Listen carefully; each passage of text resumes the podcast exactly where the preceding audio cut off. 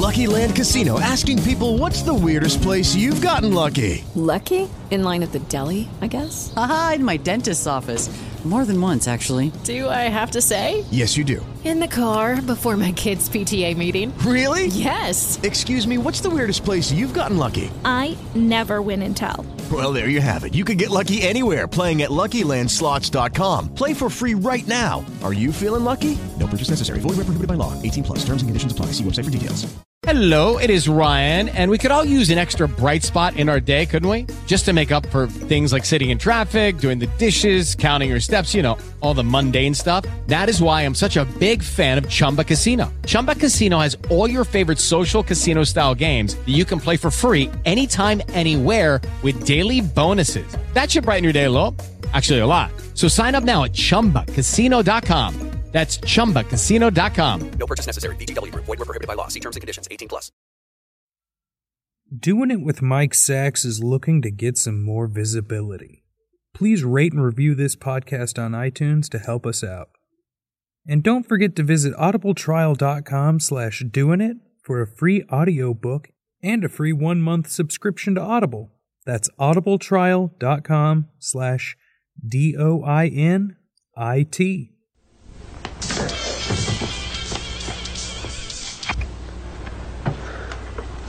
It's yours? No, I, My mother said she found it in your closet. I don't know. One of the guys must Must have what? Look, Dad, it's Where not did you get it? Dad, Answer me. Who taught you how to do this stuff? you, all right? I learned it by watching you. All right, all right, it's mine. I came to pick it up after the basketball game and I was going to take it to a party. Well, now you're a supplier. No, Dad, a lot of kids bring stuff. What is it, a potluck? Oh, oh, oh, oh, here we go. Now, it may not be Miller time, but it is vanilla time. Heather, these are amphetamines. Huh? You know, speed, right, spinnies, uppers. Parents who use drugs have children who use drugs.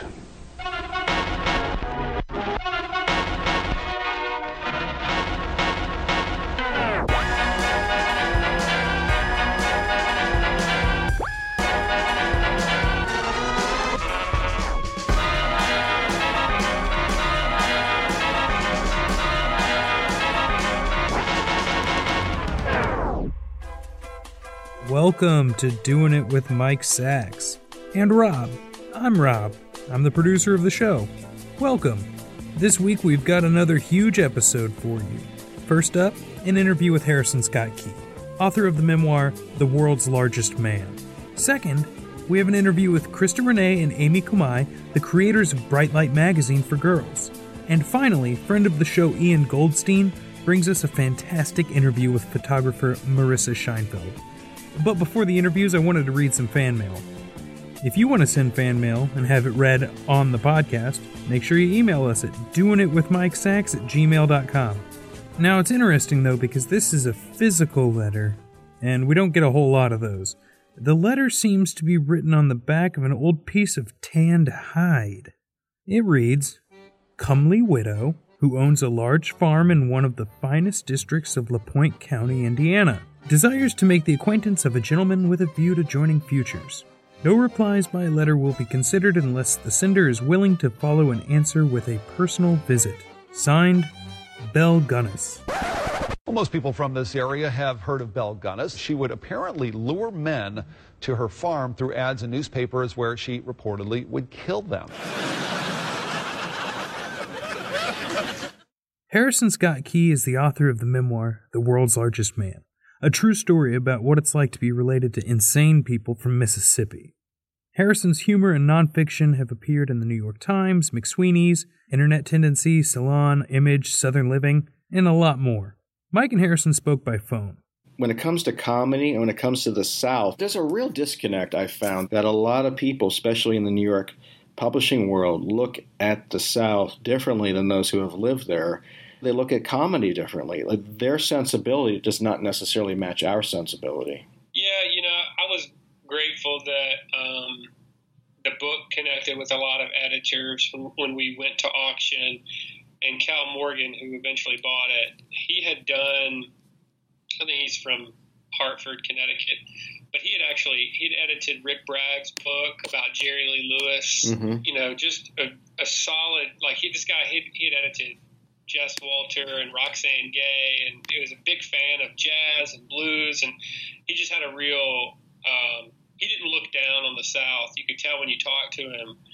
Uh, he had a real admiration for the culture, and of course, you know, there's the great Southern authors. But um, one of my fears about the book is that it would be sort of pigeonholed, you know, like Cracker Barrel humor, you Yeah, know, yeah, like right.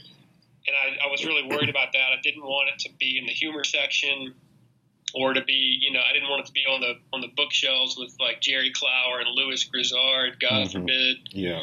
Um, even though those guys were hilarious and and they knew what they were doing and they had their markets. Uh, and Cal was Cal, I think, got that, and uh, he he championed the, the literary side of it without um, sacrificing the sort of Southern Gothic, uh, you know, part of it too.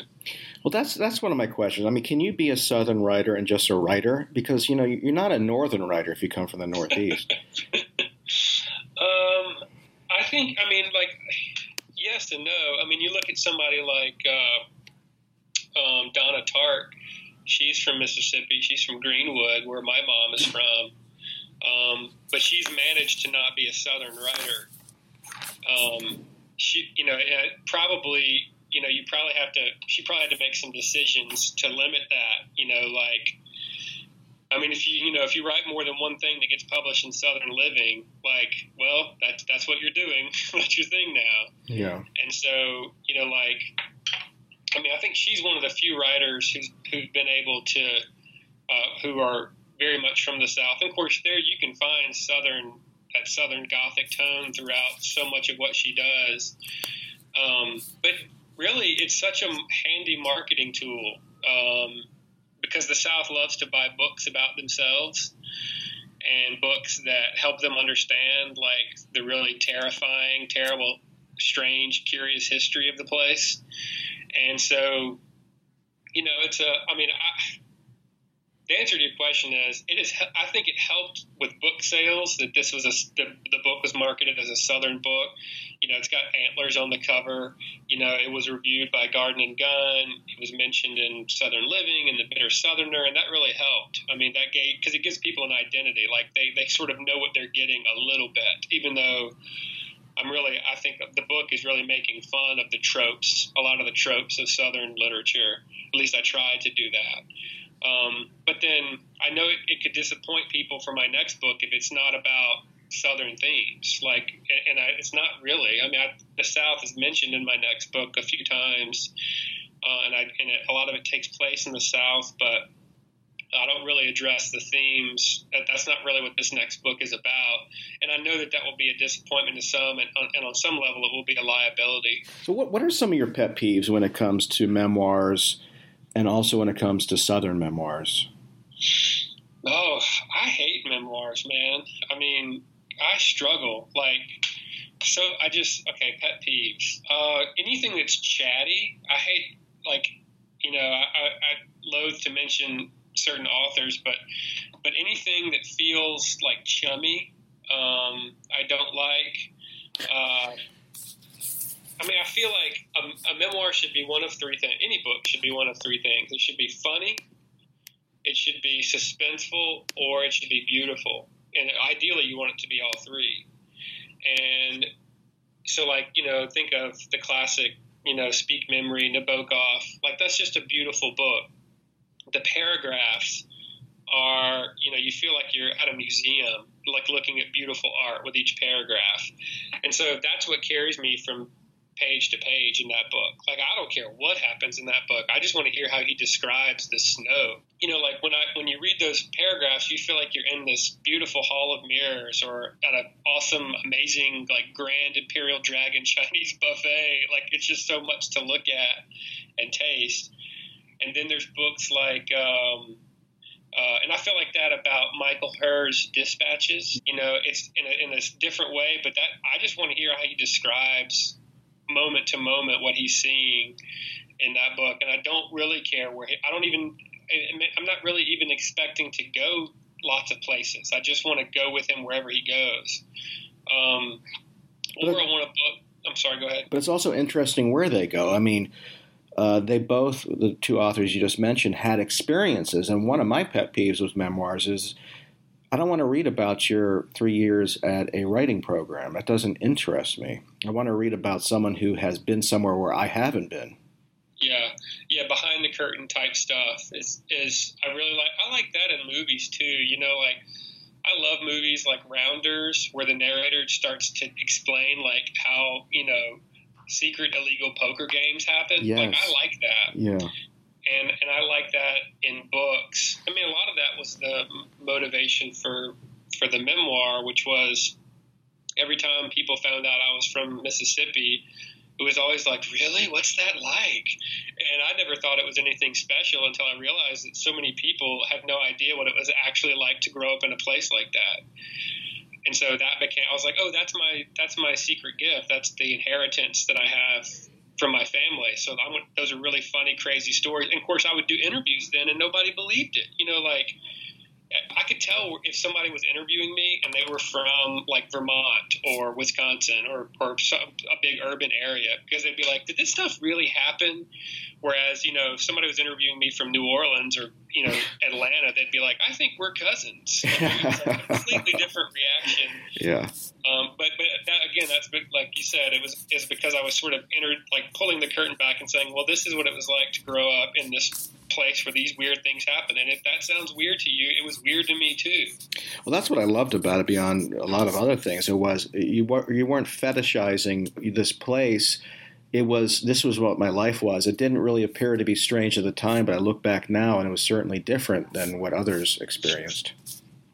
Yeah, it, you know, like the first, I think the first time I knew that my family was weird was I was in high school and we were talking about, you know, Christmas or Thanksgiving or something. And, and I explained how the men all eat first and the women serve them. And, you know, and then there's some girl who's like, what are you talking about? I'm like, you know, the men eat first. she was like, uh, no. and so I was like, oh, I think my family's weird. Cool. you know, the book reminded me of um, the writing of Jean Shepherd. I don't know if you ever read Jean Shepherd's books about growing up in blue collar Indiana, but there was a real honesty there. And we were talking about authenticity before.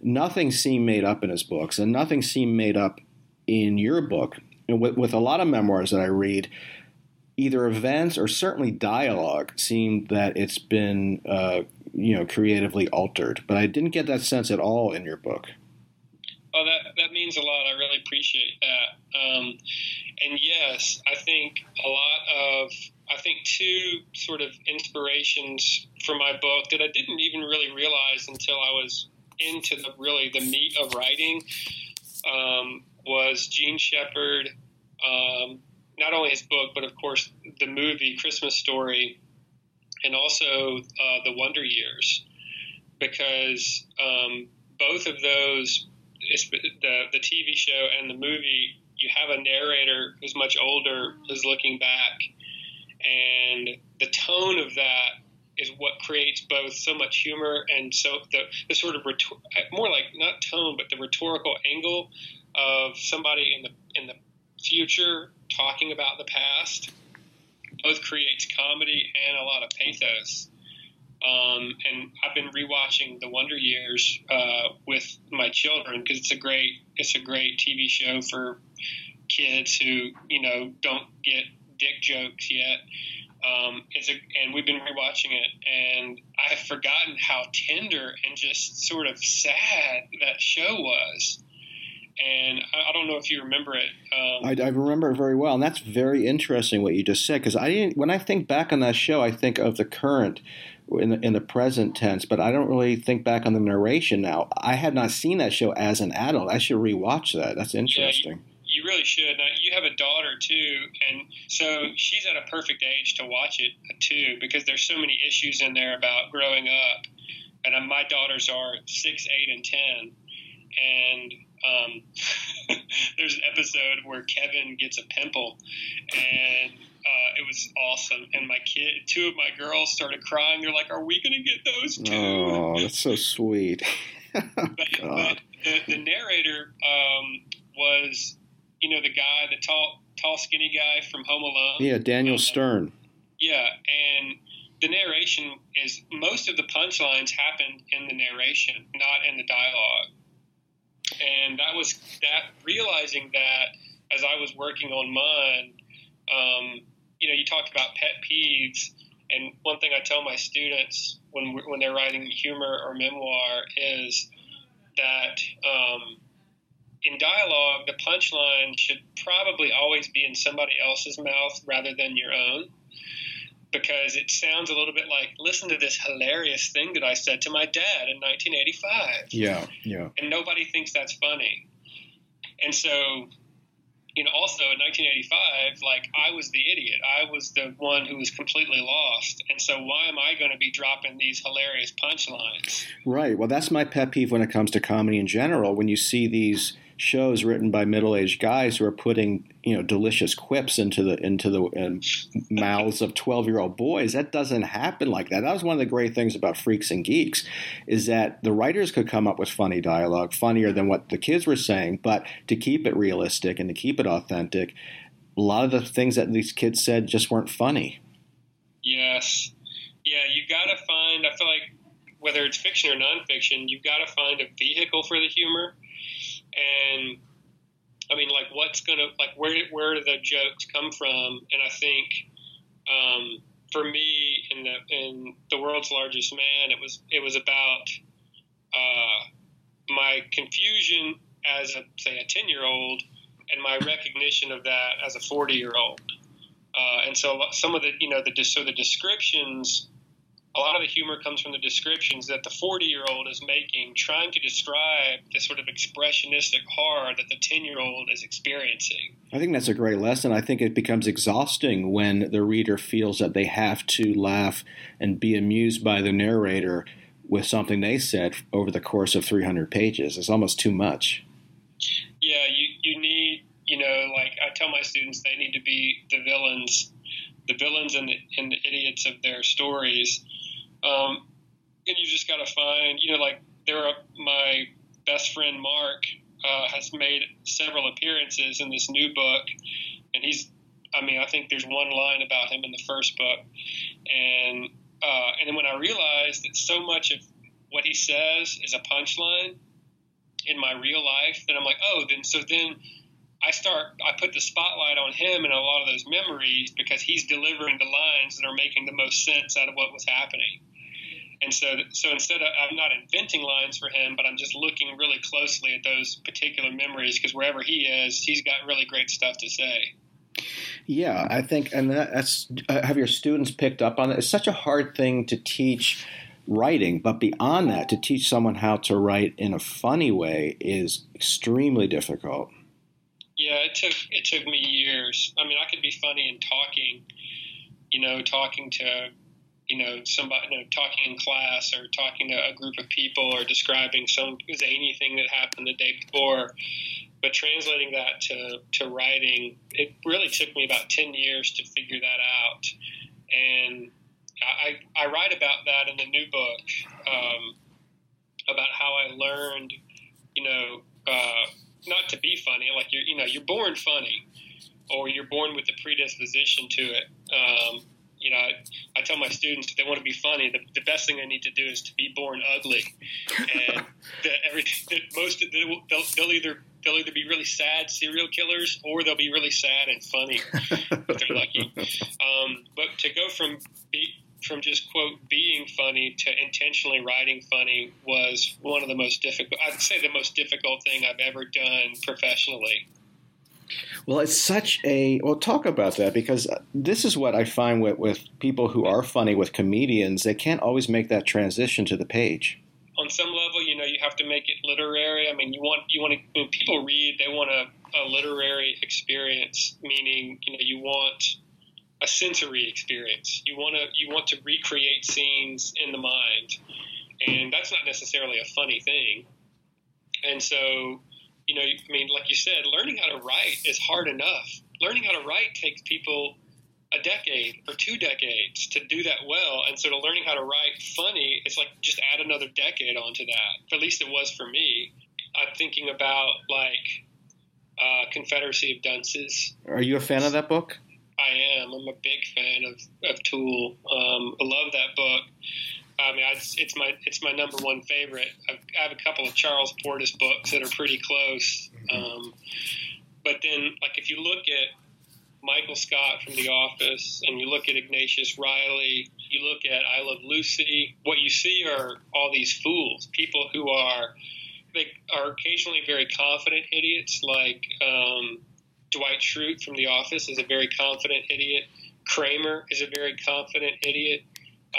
Ignatius Reilly is a very confident idiot. You know, these guys have no self effacement at all. And then you take so those are the those are the confident fools. And they're in, of course they're all over Shakespeare. Malvolio, Twelfth Night, very confident fool. Um, Dogberry, Bottom from much uh, from Midsummer Nights, very confident fools. And what's funny is the audience. It's the same principle of dramatic irony that works in Oedipus Rex or any any other tragedy, which is the audience knows that they're dumb, and often other people in the story know that they're dumb, but they don't really know how dumb they are and their confidence is what makes it so funny. Then you have the other kind of fool, sort of phony fools, people who are trying. They they they think they are pulling the wool over everyone's eyes, but they're so stupid and they're so weak. And that's like Michael Scott or George Costanza. And so realizing that so much humor comes out of foolishness and these two different types of fools and a fool who's trying to fake somebody else. And the key to it is the audience or the reader knowing that that person is a fool. So there's got to be a setup. Like we have to know, like you have to know that I know that I don't know Chinese when I am trying to pretend with my date that I can order in Chinese. Right. So the audience needs certain information um, in that setup. And as I'm working on the book, I'm just sort of slowly realizing this and then trying to decide, okay, what information does the reader need to understand that this character or that I in this scene didn't know X.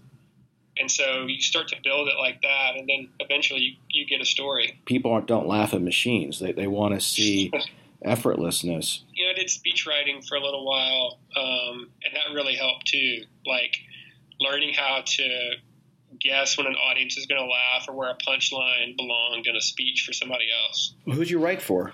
I wrote for the president of SCAD, Paula Wallace. Um, that was a job that actually that was actually how I ended up in Savannah. I was teaching English in Mississippi, and they needed a speechwriter, and a friend of mine worked here, and he called me. And I'd never done that. I'd always sort of wanted to try. I mean, I had, you know, I'd written plays and done stand up, and I taught English, and and so I had a lot of sort of stuff in my tool bag, and I thought it'd be fun to try and write speeches at a at an art school. And it, it took me about a year to, to finally get where I could write like one or two jokes for her. She, she wasn't Stephen Colbert. I'm not like writing a comic monologue. It was like just you know just sort of subtly sliding in one or two lines that just lighten the mood and might make people laugh and and where she could sort of make fun of herself. Um, but even when I wasn't writing humor for her or writing a funny line in a speech, just trying to write to modulate the emotional tone of a speech with pauses. And I would actually write in stage directions in her speech, you know, like pause here or pause for applause or take a breath. And that really helped get me sort of into that mode of how human speech happens when we hear it and when we read it. And that really helped with the book, I think. I, I was that was right before I really got deep into writing the book. I think that helped a lot. It does help a lot. Did you go to these speeches to see the the reaction, the live reaction? oh yeah, yeah, I definitely went, and um, and it was that helped. I mean, that you know, I'd, I'd, follow along with the script, or sometimes I would just close my eyes and listen. And Paula was a, is a great rehearser. I mean, she's very meticulous, and you know, I you know do all the pronunciations for her and put those as little footnotes, and we'd work on it. And that might be an emotional moment in a speech, and you know, she'd write a little happy face out beside that in the in the text and so I, I got to a point, or sort of we, because we did all our writing together, we got to a point where it's on, like we learned how to sort of control the the sort of psychic vibe of the room just with her talking. It was really crazy. And that was a really, you know, that's a very empowering feeling for a writer to realize you can do that with words. And, and I that really translated directly into writing the book because I felt like I was doing that in sort of the interior space of the reader as as they're reading. Yeah, that's a great thing to do. I mean, I recommend that to anyone. Go before a live audience and try to read your work and see what the reaction is. It'll often you'll get sometimes laughs where you didn't expect it, and vice versa. Yeah, for, you know, you you performed recently with Sedaris, is that right? Yes, I did. So he he does that. He'll he'll do his revising based on audience laughter. Is, is that That's is that right? Yes, it is, and it's astonishing how hard he works. Where a piece isn't uh, done until it's published. So when he's working on a piece, and I heard the same piece read a few times, he will jot down what the reaction is, and he will tailor that piece to that reaction. So even if he loves a joke and it gets zero reaction, his goal is to make it as funny as possible for others. So he's always tweaking these pieces.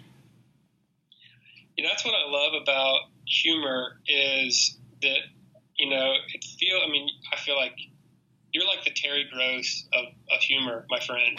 you've, been, with so many people. Um, you know, you're taller than her, I think, but uh, I don't, but I'm not like so sure got- about that. you've got this sort of this range of experiences of talking to people. Um, so you may have a different perspective, but one of the things I love about it is I tell my students that it's pretty much the only kind of literature where you can immediately know if it's good or not just by listening. And that's a powerful gift, you know, to be able. I, you know, I, I teach this humor class, and I tell them, I'm like, all right, we're going to read your pieces out loud, and here's the deal: if nobody laughs, that means it's not funny. And I don't know how else to say that. It, it might mean it, it might not mean that it's bad. It just means it's not funny. And don't try to explain to us why why we are not laughing, because you know our laughter is the it's the it's the surest truth detector I know. And you can't make people laugh. You can only sort of invite them. You can sort of you have to sort of flay yourself at the altar of laughter and hope that it blesses you. That's right. And and that's what I love about it is that you know somebody reads like a really you know mediocre detective story in, in front of an audience, you can't tell if people are asleep or if they're really engaged. They're just because they're staring. But with humor, you know, you know, and that's so and that's so powerful. And it's so it's inter- it was interesting to learn that that David Sedaris does that um, because he's honoring that. You know, he's honoring where people are laughing, and because that's it, like laughter is a good thing. Like it's good. Like it is a it needs no defense. And so if you're going for it and searching for it and trying to sort of create the space that will make the most laughter. Of course, you need you know you need dead dead spaces and you need white space and you need moments where people aren't laughing. Um, but if you're doing that, that's that's great. And I've I've tried to do that. And, and of course, even with reading on my you know my book tour, I did so many events, and I'd be reading these passages that were so good and that were so funny, and people weren't laughing. And I'm like, but this isn't a book. This was published. And, like, and then I'm like, oh wait, like they're right and I'm not because they're not laughing, which means they don't want to laugh in that part. And so I had to ask myself, like, well, should I cut that or what? And so eventually I just started like editing my book in readings, and I'd cut whole paragraphs that just weren't that weren't creating the funniest moment in that particular event. If the book was published after these readings, would you have taken out those sections that did not get the laughs? Probably, yeah. Or I would have shortened them. You know, again, it's not like I was trying to. I mean, the, some people criticized the book for saying that it was, you know, too funny, uh, and I don't know if that's possible, but um, that you know, was just constant laughter, constant joke after joke after joke, and I get that. I mean, I can read passages and I can be like, wow, man, like. I was really needy when I was writing this page. Like I was really trying to just, you know, I just wanted I mean, Mike, I just wanted to write a book that was that made me laugh, like Hitchhiker's Guide or Confederacy of Dunces had when I was in college. Like, I just wanted a book that made people laugh and feel like I felt when I laughed reading those books. And so there are some pages where it's just like, you know, machine gun jokes, just one after another after another. Um, and so I don't, I don't necessarily think that's, you know, you don't obviously want so many jokes. I mean, you know how it is when you see a live stand up show. Like, seems like after about 45 minutes, you just stop laughing. Like, you just all out of laughter. Yeah. And at least that's, that's how I get. But I do think if I went back now and wrote it, it'd probably be about 20,000 words shorter. It'd be a, it'd probably be about a third shorter than it is now.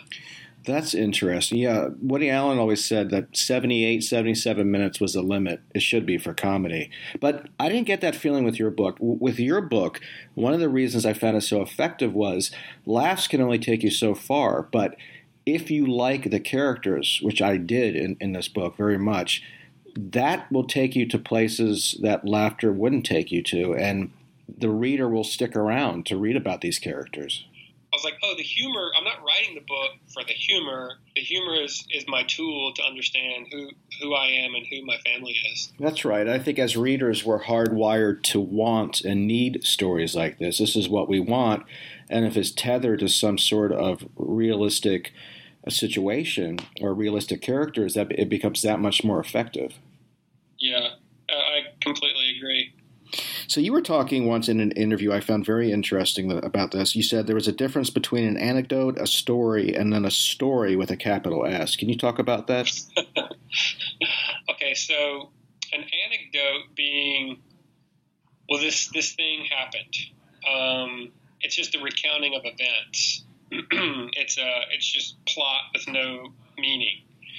So this happened, or not even plot. It's just again a sequence of events and a lot of times when I started writing and, and, when my students write, they think they're writing a story, and a lot of them are trying to emulate, you know, Sedaris when they're write, trying to write funny stories.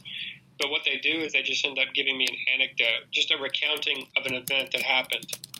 I know nothing about them, nothing about how this story changed their lives, who they were before it, who they were after it.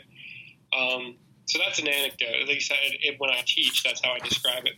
A story is where there's a real meaning. You know, like why did you do the thing, and then how did it change you, and then you know the uppercase capital S story is really where a, is really a, a se- sequence of events with meaning. That's the hard part. Is what does it mean? As you are writing the story, what are you learning about the world, and what are you going to tell us you have discovered about the human experience? And for me, that's the that's that's the challenge, and that's what why I think that's why it's so difficult for young people to write great stories, is they haven't they just don't have the meaning yet. They don't know what it means, and and how can they? I mean, you're a lucky son of a gun if you can write a great, meaningful story when you're 20. I mean, it just because I was an idiot when I was 20. I'm an idiot now, but I, I know a lot more words than I did when I was 20. But I, I think that's the that's what's difficult about it is what does it mean? Well, listen, I'm a big fan of your writing. I, I I'm very particular when it comes to memoirs. I think so many just try to be like a Sedaris, and people are encouraged to. I think by uh, editors and agents, but yours was one of the funniest that I've ever read. It was beautifully written, great stories, great characters and I encourage anyone out there listening to go out and get it. The world's largest man, Harrison Scott Key. You can reach Harrison at Harrison Key on Twitter and harrisonscottkey.com if you want to find his biography and more of his work. Do you have any last words for the listeners? I didn't do it. Uh, uh, I, I, just want to say thanks, Mike. That was very kind of you to say.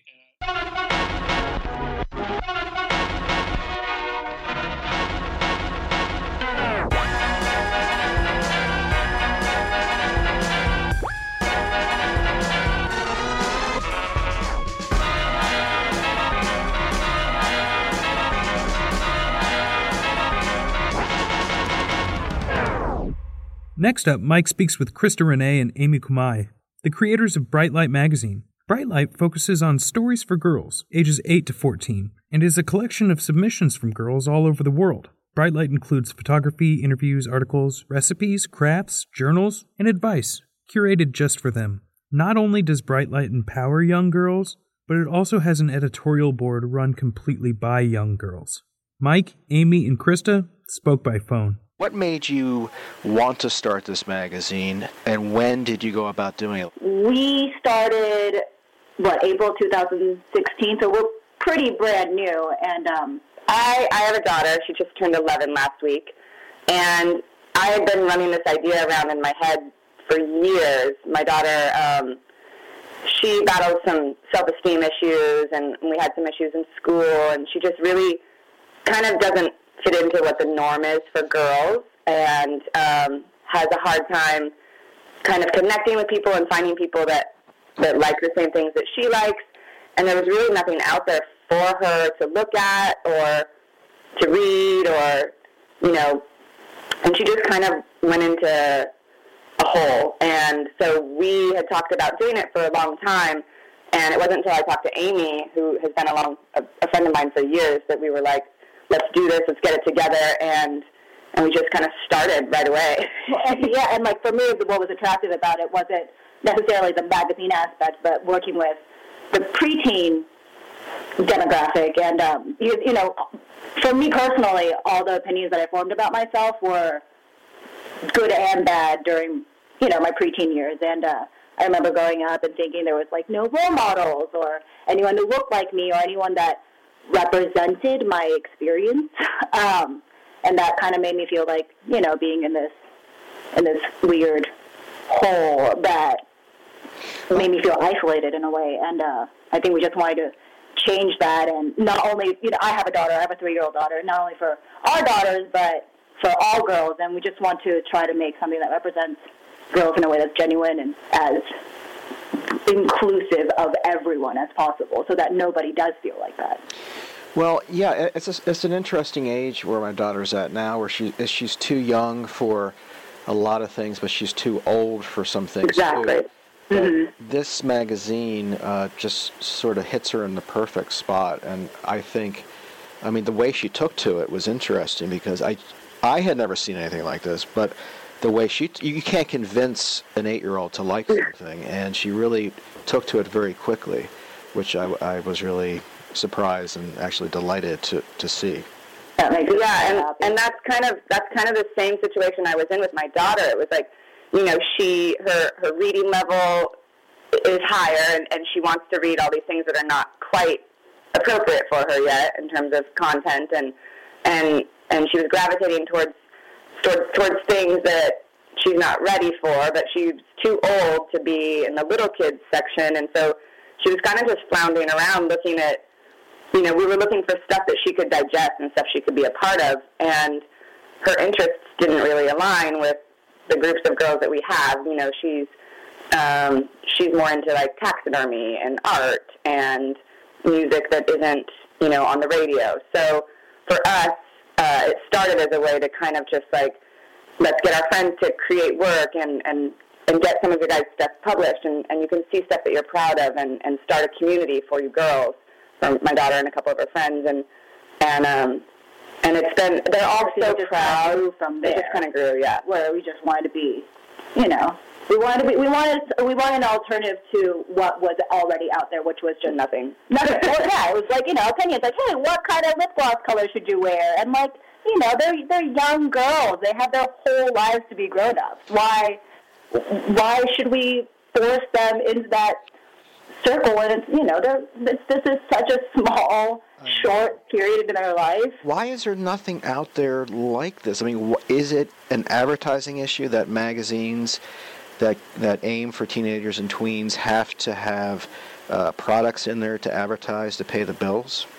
I think I think that is a big part of it. I think there's nothing like I think you know it is a true labor of love. Us, us doing this book, it, it we don't have advertisers in it on purpose. We don't want to advertise products to girls. Um, you know, we we basically keep it running on subscriptions and sales, and um, I think that in general, kids right now, this age, are just being forced to grow up really fast, um, and and that was our goal. I, I, there's nothing like it because it, it is such a precious time, and it, it's. I think it is a tricky market in general. It's just one of those, like you said, you can't force an eight-year-old girl to like something. They just they have this visceral reaction to something, and whether they like it or not. We underestimate them, especially that age group. They they know what they like, and they're savvier than adults in, um, I guess, smelling out bullshit.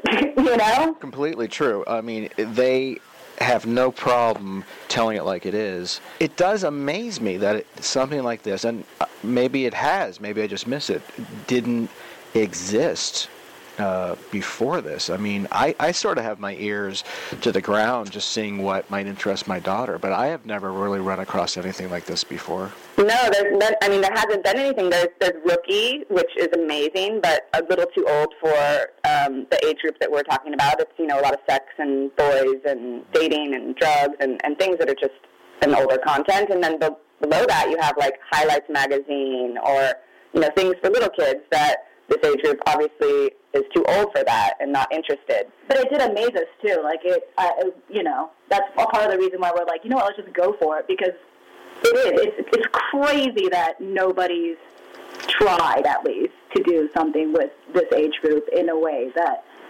feels. I don't know, just just just about just about celebrating them, and I think that's why our magazine works. Um, and, and, you know, I mean, obviously, it's all magazines are like there's a billion reasons, but one of the the main reasons why I think this magazine works is because it is just these girls and their ideas and their stories. And what what what is there not to like about that? Or as a as a as a young girl when you see nothing else out there that feels like you. And it really is made by the girls. I mean we have like you know we have a board of girls that we talk to the the girls are creating not only the content in the magazine, but they're also kind of curating what the magazine's going to be about. We have lots of brainstorm sessions. Um, you know, we really try and keep it true to what they want to see and what they want to read about. And I think that that's a really special thing that no one has really tried to do, especially for this age group before. And I think that they know that. They can see that it's real and they can feel that it's for them. It's not adults trying to feed them information that we want them to have. Well, how old are we talking? I mean, we we usually say like around eight to like fourteen is our demographic. After fourteen, we tend to lose them to to rookie to think you know they're getting more interested in the dating scene or you know other things that aren't really that that middle age. So eight to fourteen is Yeah. what we've with contributors being older. A lot of our contributors are fifteen and sixteen that create content, but um, you know one of our our goals is that the content has to be able to be digested by an eight-year-old in terms of its you know its content. So I, I don't know who was saying this, Amy. Was it you that you were talking about your daughter with self-esteem issues? Oh no, it's Krista. It's me. Krista. So what what are we talking about specifically? Are you willing to talk about that? Yeah, no, definitely. I'm pretty open about, and so is my daughter.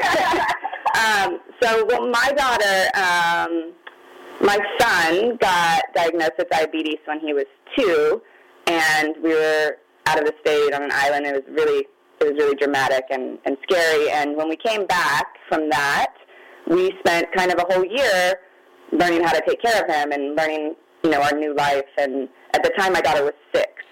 So at six, she had this big life change, and not saying that we ignored her for a year, but our priorities shifted for that year while we learned, you know, our new system. And she started first grade, and she's the type of girl that you don't really know anything's going on. If you know, she won't really talk about it, and so we thought she was fine during this whole year. And when she turned seven, she just kind of broke down. She ended up at the Tress Clinic at UCLA. She had every tick like under the sun all at once for about six months. I mean, it was it was the hardest thing we ever went through. She, because of that, she like didn't want to go to school. She couldn't be around friends. She was so embarrassed. She would cry every day.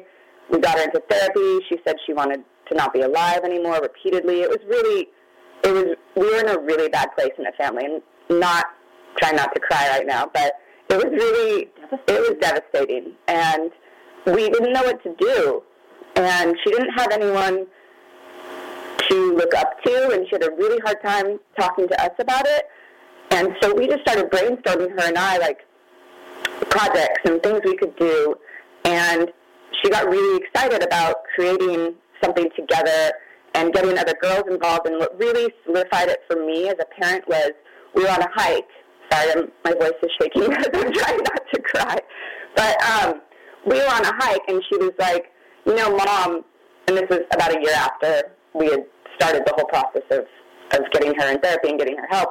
She was like, I really want to write an article um, about my ticks and about what I went through because maybe other girls out there are going through the same thing and they're really scared and and they don't know that someone else has been through this and maybe I can help them.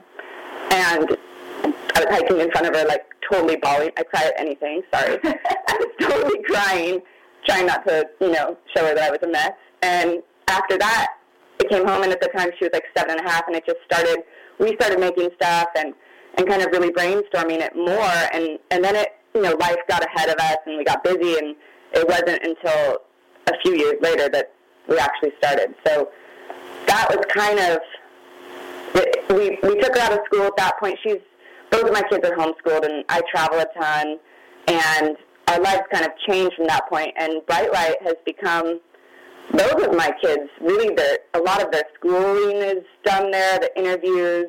Um, we've learned so much, and we've done so much through the magazine that it's been for my family and for my children. It's been amazing, especially for my daughter. Um, so that's kind of that's the self-esteem journey we went through. Well, when you say tick, I had ticks growing up. What, what sort of ticks does she does she have, or did she? Oh my goodness, every single tick you could imagine. I mean, she's had them since she was little, and when she gets stressed, she still has them.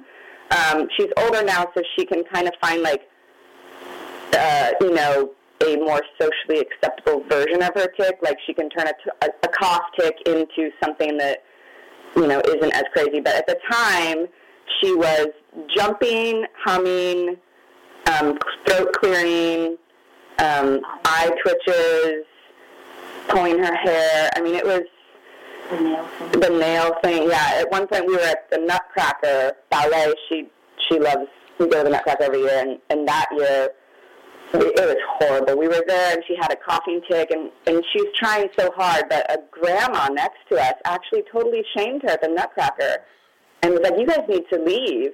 Like your daughter can't stop coughing. She's you know." This is this is not acceptable for everyone else who's watching the Nutcracker, and I'm like, it was just, and so we actually got up out of the Nutcracker because she was, she just felt so ashamed, and and we left, and I didn't want to start a huge argument in the middle of the Nutcracker.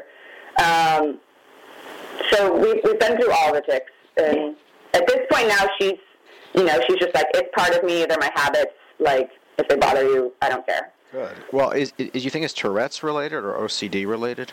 Um, hers is definitely related to OCD and stress and anxiety. I, I wouldn't classify her as having Tourette's. At the time, we thought she might, but she she doesn't have it. Well, the fact that you know and understand is a great thing. I mean, I had OCD as a kid. My parents didn't know what was going on. I mean, they, Yeah. and I thought I was losing my mind. Yes. But How old were you, Mike? Well, it hit when I was uh, sixth grade into seventh grade, so I guess I was 10 or 11.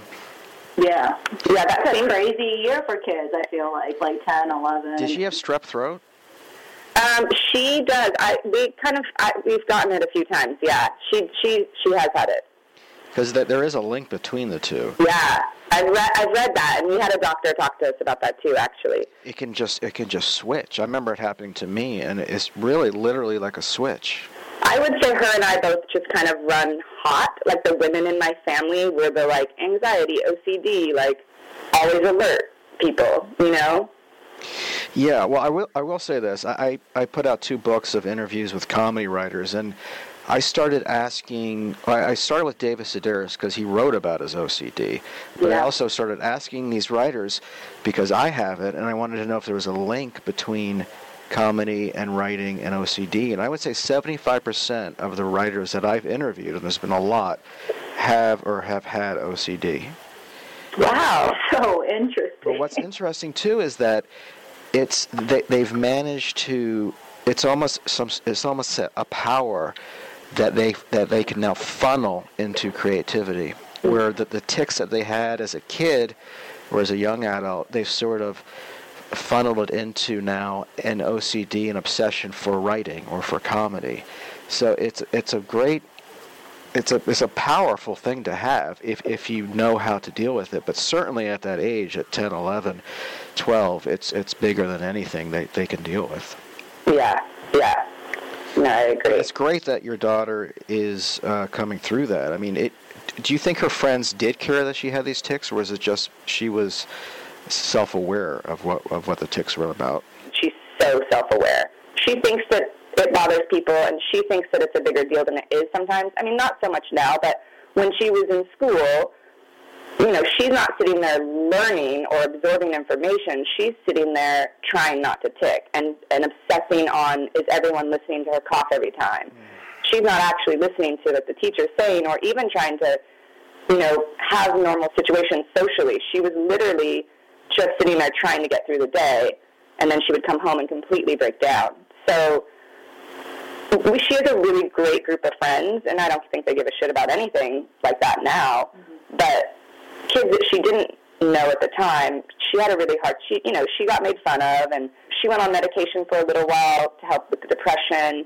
Um, she got really dark really fast. I mean, she tends to run really, really dark anyways. Her favorite thing is taxidermy, and her favorite movie is Beetlejuice, and I can't get her to wear a color. That's just she was born Wednesday Addams. I can't really change that. So if that's already there, I don't, you know, we try and keep her light as much as we can without, you know, we're not trying to change who she are. She is. She is a darker, deeper thinker, but she can go into a hole really fast. So my goal as her mom is to try and keep her out of that hole. Everyone has issues, and that's just kind of how we go. You know, basically everyone has shit. Everyone's got stuff that they're battling. You don't know what it is. Try and treat everyone with kindness because of, that. because of lots of reasons. Or But just, you know, showing them. Yeah. Yeah, like just just unburying all of that and just making it normal. there's nothing to be ashamed of. Yeah. Right. Well, that's a major life lesson. I mean, once you know that everyone has something, it sort of lessens the pressure on yourself. Exactly. And that's kind of the whole point of Bright Lite. It's like we. For all the kids with ticks. No, no, but I mean, it's like we we want everyone to feel that it is a safe place. That like if someone wanted to, if there is another girl out there, or you know, that's going through anything, like we would we we welcome those journal entries. We welcome those stories. Like it's so important for girls to feel that they can share. Mm-hmm. Absolutely. And I, I started reading this magazine, I guess, maybe six to eight months ago. It, this is an only um, a more vulnerable time, not only for girls, but for everyone with what's going on politically. Yeah, we, we have heard from a lot of people that bright lite is really needed, especially right now. We've heard that um, our message is important, and we've gotten so much support, and and I really feel like it, it, it truly is. It's so important. It was important before the election, and it's even more important now. Yeah, and like you know, I, I think our general, my general, I can't talk about crowd criticism, but my general um, default is like, hey, I'm not, I'm not a big fan of grown-ups right now. Exactly. How any woman could support the views of a Mitch McConnell, a Steve Bannon. They're fucking lunatics. They're lunatics, greedy bastards. I think greedy is the big word. Adults suck right now, basically. But younger, the younger generation, I'm so proud of how involved they're getting. It's ignited something that can't be turned off easily. And this, this younger generation is working so hard and resisting what's going on. And, and that's amazing to see. And I, I hope that it continues, and I hope that we all keep fighting. I hope, at the very least, that this is like a, a boil that's just excised. I hope it. This is the worst it gets, and we, Oh my God, me too. see how bad it is now. But certainly, you know, to have a, a, a product like what you're putting out is only beneficial. Where do you see it going? Books, movies, podcasts? the idea is to get Bright Lite as a community out there more and get get some of our Bright Lite girls into schools, into workshops, you know, helping inspire other girls all across the country, really. I mean, that's the goal. We don't really have like corporation partnership goals, but we definitely have like we would love to be able to work with libraries across the U.S. or schools, and I think that would be amazing. Well, I, thi- I think there's a hunger on both parts uh, for the, from the girls' standpoints to to learn about the world, but also those out there willing to teach, like the interview with Dolly Parton on your on your website. Absolutely. I thought that was amazing that she would take time out to do that, and I, I do think that you can you'd find that whether they're doctors or performers, writers or whomever, to take time and to deal with the next generation, basically the generation that's going to save all of our asses. Exactly. And everyone's been so supportive of it. And it's, you know, if you can create a spark in a young girl, something she hasn't, you know, like, it's so great that Dolly Parton did that. It's, it's amazing, really, that she took time out to do that. And that's, that's kind of what we've noticed with women, right? That they, they keep saying yes. It's been pretty amazing seeing just all kinds of women, from anyone that is someone like Dolly Parton or um, someone that works at JBL or doctors or whatever, just contacting us and saying, "I want to, I want to, I want whatever you need from me. I want to help." And that, you know, not only the response that we've gotten from daughters like yours, like, but just women and grown-ups in general. I think that's been a big indicator that this needs to exist. Okay, so if there are listeners out there who want to be involved either um, by ordering this great magazine or being interviewed or associated with it or helping it in any way, wh- where can they go to, to find out information? Our website, which is www.brightlitemag.com. And Brightlite spelled B R I G H T L I T E. brightlitemag.com. Well, you guys are doing great work, and I wouldn't mind checking in with you in six months to a year to see what uh, you've accomplished since we've last spoken. That'd be great, Mike. we would love that. Great. Hopefully, we have a little pantsuit army out there. Yeah.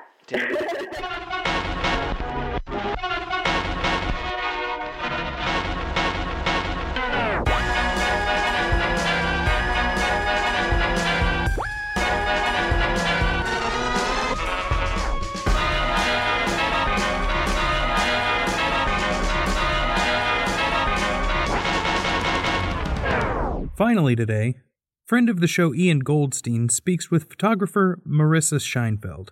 Marissa has traveled across the globe to countries including Israel, India, Poland, the Czech Republic, and Slovakia. Her latest project, however, brought her back to her childhood home just down the road from the once thriving resorts of the Borscht Belt in upstate New York. In her new book, The Borscht Belt Revisiting the Remains of America's Jewish Vacation Land, Scheinfeld documents the largely forgotten Jewish getaway where young comics like Mel Brooks, Rodney Dangerfield, and Woody Allen regularly performed in the 1950s and 60s. The photographs show how the popular destination deteriorated over time. Ian and Marissa spoke over Skype. If you could describe exactly what is the Borscht Belt and why it has that name. What is known as the Borscht Belt is present day Sullivan County and Ulster County, which are 90 miles away from New York City. Just zip over the George Washington Bridge, up the Palisades. And um, it was coined the Borscht Belt because borscht is a very typical Eastern European cuisine cold beet soup served with I don't know, sour cream on top and some chives. Hmm. And because of the Eastern European influence and the many Eastern European, primarily Eastern European Ashkenazi Jews that went to the Borscht Belt, it became known um, as the Borscht Belt for, for really that reason, because of the food, the cuisine, um, and um, you know, so many different ethnic groups had a place in the Catskills. The Borscht Belt was just a primarily Jewish destination. It was a place where of leisure. It was a place where you can go to a hotel, different price points, different religious observances. Some hotels were kosher, some weren't. You could go to a bungalow, you could go for a week, you could go for the entire summer. And so many people worked there, um, you know, paid their way through college and you know, um, it was a real source of culture, huge place of culture, but also economy. And um, eventually, you know, when it when it faltered, um, you know, it, the the county and the region really lost a lot. And my project focuses on um, what's left of the Borscht Belt, and really, it's about loss. It's about change, um, but it also has this tension between Mother Nature and history. And um, there's a lot of cultural re- resonance in the, in the photographs, um, but they're also a lot about you know the ruin and the wreckage and, and what's le- been left behind. One of those pictures uh, was was the the cards and the poker chips. So they basically these are these are cards and poker chips that seem to be left there from however long ago, fifty years or so. Everything in the book is as I found it. You know, each hotel, I photographed about 40 hotels and bungalow colonies out of the 500. So many have been repurposed, turned into um, Orthodox destinations, rehabilitation centers, meditation centers. I was interested in, in looking at the ones that were stagnant, almost the, the creatures that loomed over the landscape in various states of ruin and because of either political or economical reasons hadn't been redeveloped. So many of them literally look like a scene that that is apocalyptic, where people just left and never went back. And everything that I found was almost uh, I, I call them still lives. They were arranged by by other people going in there for their own reasons, whether they were hanging out, partying, photographing, paintballing, squatting, scrapping for metal and worthy um, objects to to get money for. Um, and everything was just arranged by, by time and by chance. So um, I really, you know, it's like against my photographic religion to create scenes. I'm really interested in just looking at what I see and moving my body around to capture um, capture the photograph that I want to make. Photographing the Borscht Belt had less to do with the idea of its role in Jewish American culture and more to do with your own personal experience growing up, uh, going to the Catskills. I started the project when I was very confused in life. I was in graduate school. You're required to make a lot of work, produce a lot of, you know, in this case, it was photographs. And I felt really uninspired by Southern California. I don't think I was ever that type of person that was interested in making photographs of, of sunsets. There was a deeper, almost darker content with all of my work. And I got really wonderful advice. It was four words from a mentor, and he said, Marissa, when you don't know what to do, you shoot what you know. And those four words, the idea of shoot what you know, brought me to start to think about where I'm from, what I was missing out west, and what I sought to reconnect with. So I really just ran with that. I would go on a plane any chance I could get, any any of my downtime, spring break, summer, and just go home and, and reconnect with the land that I that I was from. And I was also really homesick. And that entire those feelings started the project. Um, I would just drive drive around go on back roads all the places that I grew up driving around in high school and you know messing around and just started to reconsider the history of the area, and then, of course, the Borscht Belt, which reigned entirely supreme in Sullivan County for, for so many decades. You go back to the source. When you're not sure what direction to move in, you kind of turn and look at yourself. So, you know, the project is really a personal story because it's about the landscape where I grew up. And it turned into a collective story because, like, literally hundreds of thousands of people went to the Borscht Belt, were impacted by the Borscht Belt, even if they know it or not. Alan Zweibel, um, he, um, you know, producer and writer, worked on Saturday Night Live. He wrote the John Belushi Samurai sketch and tons of sketches for Gilda Radner. And the article also included how he used to write jokes for Borscht Belt comedians for $7 a pop on paper bags. Um, and you know, his name may not be a household name like the likes of Woody Allen or even Seinfeld and Joan Rivers and Mason and Dangerfield and all these people that helped to put the Borscht Belt on the map in terms of the comedic and entertainment legacy that it that it really built and left behind. When you, when someone thinks of the Borscht Belt, you think of 1950s, 1940s. Uh, you were growing up at a time when the Borscht Belt had already uh, height of the Borscht Belt scene had already passed. Definitely. You know, my parents moved up there. My dad got a job up there in 1987. I think looking back, he picked that job because he too had gone to the Borscht Belt as a kid. My grandparents met while my grandmother was hitchhiking somewhere in the little town of South Fallsburg. And he really had a lot of childhood happy memories, like so many people do about that time. So when he was coming out of school and decided to to select a job, it was it was in the Borscht Belt because it was a place that he wanted to turn around and and you know make his own memories. So I think that growing up there in 1987, 1988, there was only a few hotels open, but I really remember going to Kutsher's and the Concord a lot as a kid because my grandpa Jack was a card shark and he would just sit in these huge rooms with these loud, brassy men smoking cigars. And that was, those are the earliest memories of my time. Um, and, and what the Borscht Belt meant to me was really just getting dropped off at a hotel, not being a guest, but swimming and playing shuffleboard. And, and a lot of people, you're right, they think about the 40s, 50s, 60s. They think about the Borscht Belt being kitschy. A lot of people think it is cheesy. Um, some people, you know, don't really like the the sort of humor that it brought to the table, and a lot of people have complained about the food being disgusting.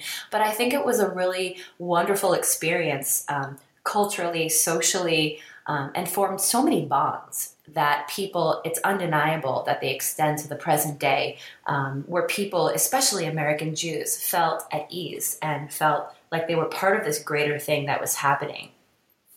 And that's one of the things you talk about was saying how uh, the, the, the Jewish immigrant population wanted to experience an American lifestyle, uh, but they often found themselves locked out of hotels. Um, so that so Jewish investors started to purchase properties in that area because they realized they can have something of their own in New York. Correct. You know, in the 1920s, Jews were banned from hotels social club membership, certain um, areas of employment in this country. And I think, along with the major influx of Jewish immigrants coming into the US, they wanted to have that American dream. And that American dream is also built on having that downtime and that vacation. And because they were restricted from so many destinations, there was the Catskills, which was 90 minutes and still is 90 minutes from New York City it already had a small budding tourism that was built on artists and writers and fishermen and people that were trekking up on the railroad. And a lot of Jewish investors started to buy small farms and even small hotels. And what was once this little blip on the map became 500 hotels and 50,000 bungalows by 1965. By that point, a lot of comedians had set it as a uh, place to to then pursue comedy and to make a name for themselves.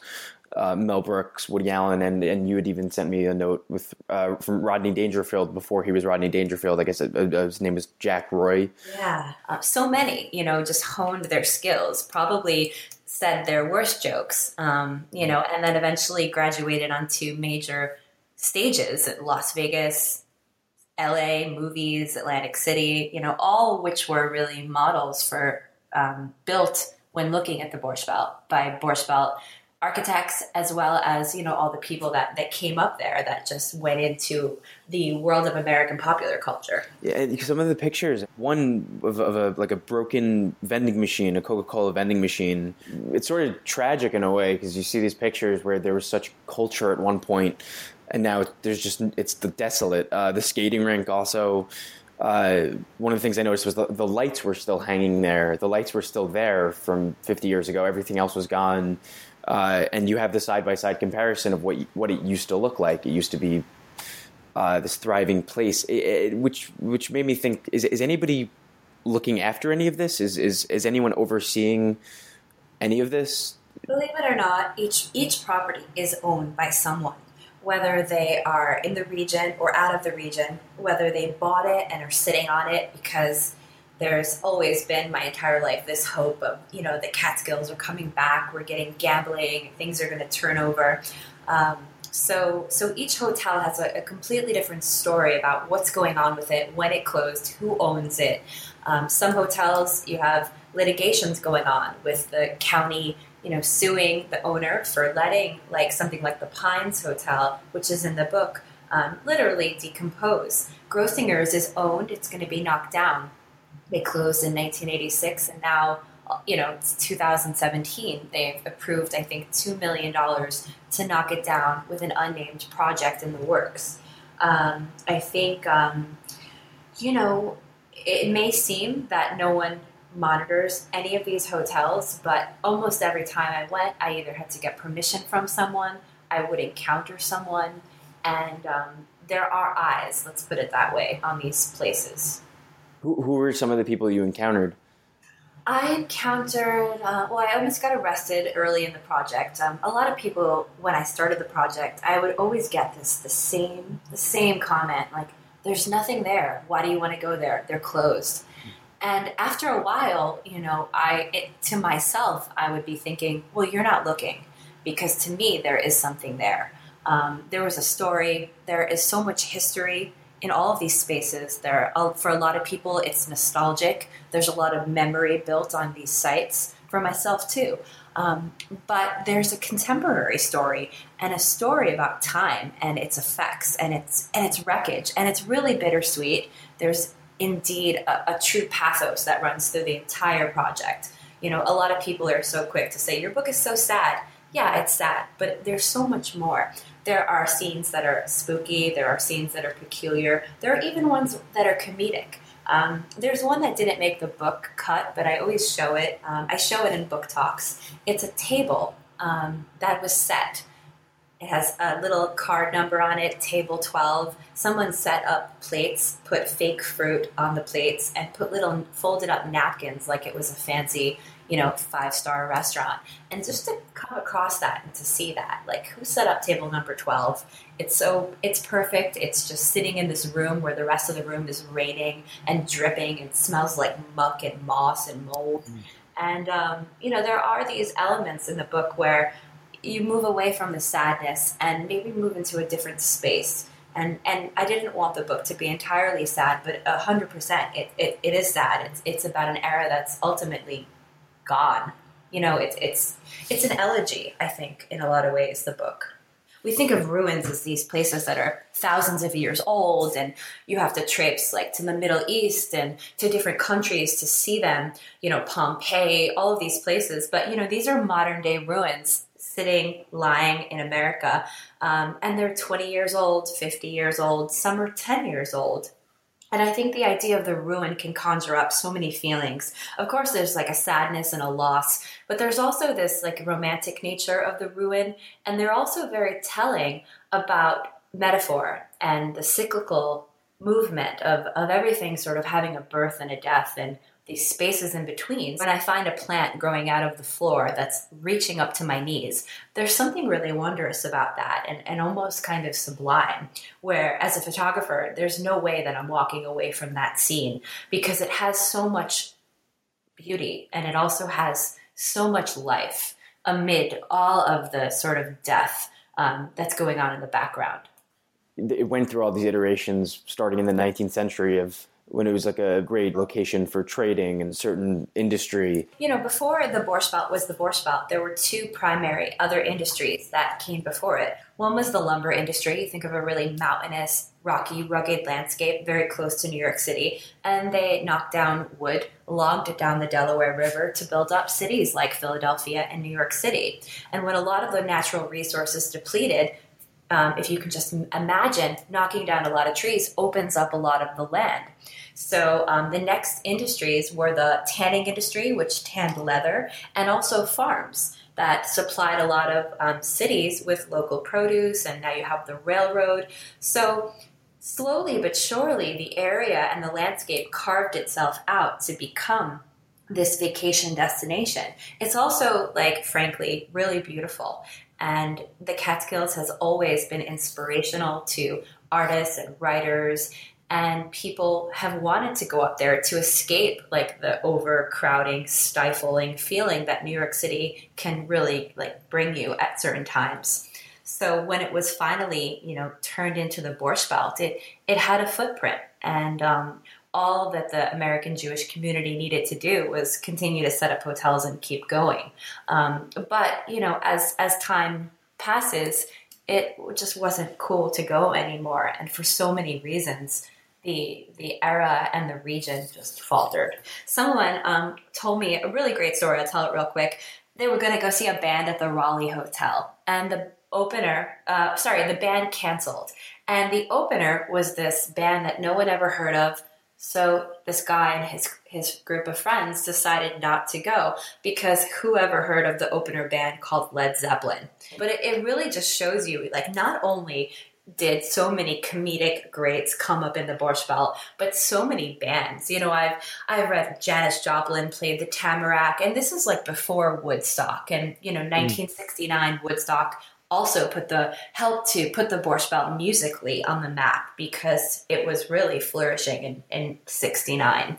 Um, so there's there's so many stories where you hear about, you know, Ben E. King and, and Sammy Davis Jr. and Duke Ellington, and you're like, wow, they, they were up there because it was the place to be. And and that's what it was. In the book I write, um, I grew up in the mountains, or as others called it, the country. As if no other mountain or country existed anywhere else on earth. Mm. Because really, for like a period of time, it was the, the place to go. It was the mountains, like the place, the Mecca. You often couldn't go by yourself because sometimes you'd have an actual physical risk to you. I think that you know the nature of the idea of like what these are, which are ruins, are it, they're very unstable, tenuous places where you never know if a floor is unstable, if you're going to fall through, if I'm not going to have cell phone service, if I'm going to encounter someone living in the hotels, and and there are many. There were many scenarios where I walked into a space and it felt warm, like someone had been living there or someone had been hanging out there, and I just kind of quickly backed up. And very early on, I realized like I can't do this alone because I'm I'm in Grossinger's. There are I'm in a building surrounded by eight other buildings. It's literally a compound. Um, how can I be here alone? I I kind of trip myself out over doors slamming and the building creaking and sounds that were being made. But then there's also you know like the reality that you know I'm five five. Like I could run into someone who's bigger than me, stronger than me, and you know I don't want to think about um, what could happen or, or what I'd have to do to talk my way or, or run my way out of a, a dark hotel and a situation. Um, I I also you know brought along a friend to talk for comfort, but mostly so I could focus on making the images and not um, on any of the possible other scenarios that could have arisen.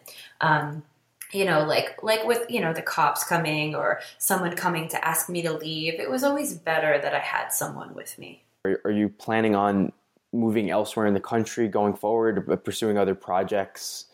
i'm thinking about the landscape not the landscape that i'm from the borscht belt but maybe a more collective landscape i love the idea of like urban legends and myths and folklore um, and i'm just trying to figure out how i could do a project and, and birth a project that ties those ideas in visually.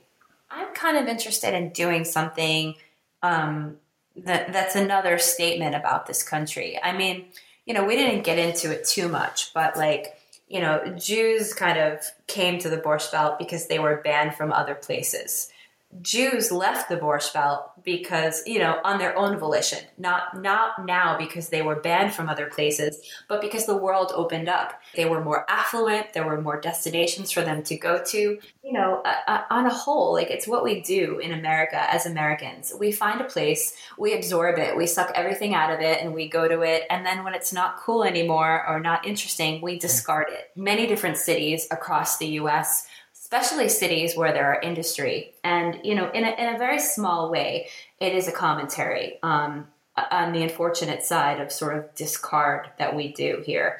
Um, so I don't know. Um, I'm still thinking it's like a big process of getting stuck and then moving forward, but I think I'll stay on this ground for a new, my next book. Yeah.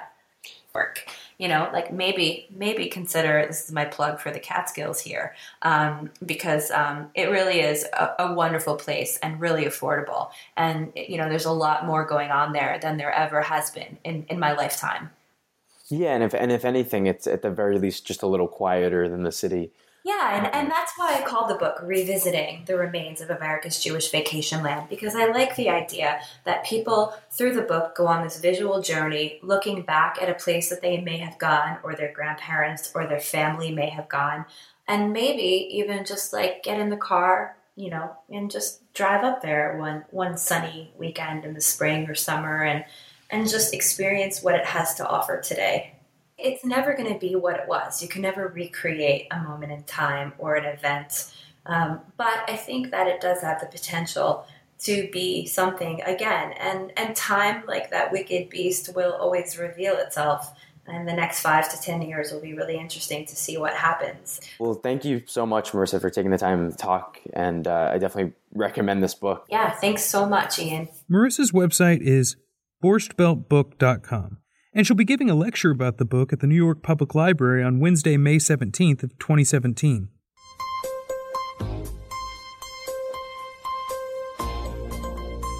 That's it for today's episode of Doing It with Mike Sacks. Thanks to Harrison Scott Key, Amy Komai, Krista Renee, and Marissa Scheinfeld for being on today's episode. Thank you, Ian Goldstein, for conducting today's interview with Marissa. You can find out more about Ian on Twitter, at Ian Goldstein Yes. Thanks to Sam Peach for our theme song. Thanks to the folks at Permanent Records in Brooklyn. They contributed to our Patreon page. If you'd like to contribute, visit patreon.com slash doing it with Mike Sacks. Mike Sacks has a new book out called Stinker Lets Loose. Pick it up now on Amazon. I'm Rob Schulte, and if you'd like to find out more about me, visit my website, robkschulte.com. That's R O B, the letter K, S C H U L T E dot com.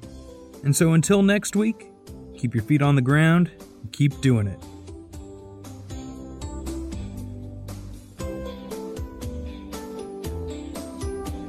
Listen, Sean, just what exactly is this center of which you speak? It's not a cult.